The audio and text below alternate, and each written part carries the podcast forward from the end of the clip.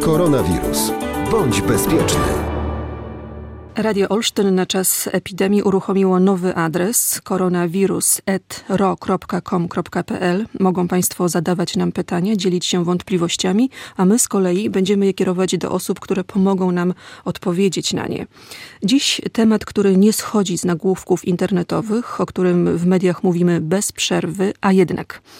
List od y, pracownicy jednej z hurtowni, przytoczony na jednym z popularnych portali internetowych. Im głośniej mówi się o zagrożeniu koronawirusem, tym tłumniej przybywają klienci. W godzinach szczytu do kasy trzeba czekać nawet dwie godziny. Nie wszyscy są klientami, wiele osób to spacerowicze. Rekordzista przechadzał się po sklepie ponad godzinę i wyszedł z bochenkiem chleba.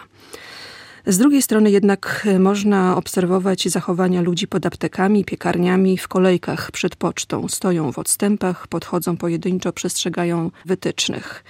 Czy to jest czas, który mówi nam po prostu sprawdzam? I z tym pytaniem zwracam się teraz do pani Ewy Wacławik, y, psycholog, wicedyrektor poradni psychologiczno-pedagogicznej nr 1 w Olsztynie oraz pani Magdaleny Kulmaczewskiej, pedagoga i psychoterapeuty z tej samej poradni. Witam panie. Dzień dobry. Dzień dobry. Często mówimy, że między bodźcem a reakcją jest osobowość człowieka i prawdopodobnie ta różnorodność postaw wynika naszych uwarunkowań osobowościowych, wcześniejszych doświadczeń, przekonań na temat tego, co jest bezpieczne, a co nie i stąd tak zróżnicowane postawy. Ale dzisiejsza sytuacja każe nam włączyć tę odpowiedzialność i u niektórych jest, u niektórych nie ma?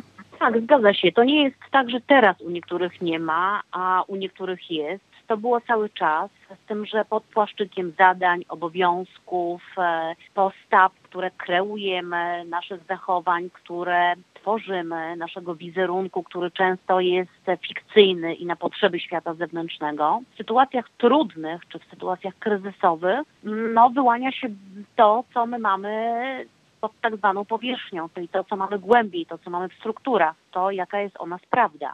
Każdy kryzys, którego doświadczamy, pokazuje naszą prawdę. Sytuacja, w której się znaleźliśmy, daje nam szansę, bo tak fajnie byłoby na to spojrzeć, daje nam możliwość zobaczenia, jak ja mam. Kiedy ja zobaczę, jak ja mam, to mogę się nad tym zastanowić i mogę wtedy wprowadzać zmiany, realne zmiany w realnej rzeczywistości, a nie w tym, jak ja chcę, co mi się opłaca, tylko też jak ja mogę się w tym odnaleźć, żeby nie krzywdzić siebie i nie krzywdzić innych. Jak zwracać uwagę osobom, które właśnie zachowują się w sposób naszym zdaniem nieodpowiedzialny? Możemy tylko zwrócić uwagę na tych, którzy są zbyt blisko nas, bądź też nie zachowują procedur, o których w każdym sklepie możemy usłyszeć, przeczytać. Zawsze możemy powiedzieć, jak my się w tej sytuacji czujemy i czego oczekujemy.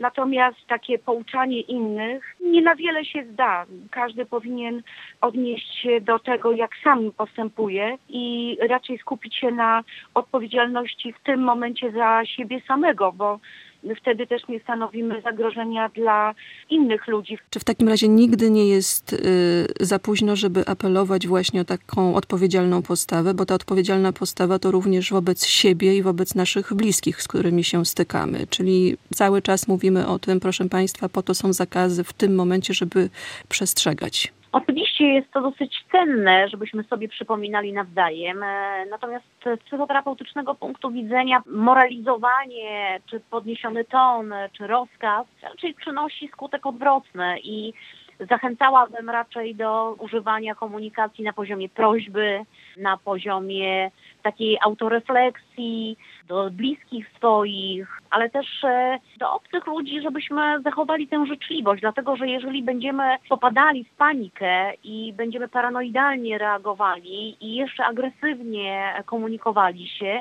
to raczej naprawdę nic dobrego z tego nie będzie. Dlatego bardzo proszę, zależy mi, chciałabym, czy jest to możliwe. Używajmy zwrotów grzecznościowych, używajmy takich e, życzliwych form. Wtedy ta druga osoba być może z większą gotowością, czy też e, z, taki, z większą uważnością wysłucha naszej prośby takie nadąsanie się i napięcie i podniesiony ton i krytyka e, no, wywołuje reakcje obronne i ludzie wtedy popadają w zachowania agresywne, więc to nie jest dobre rozwiązanie.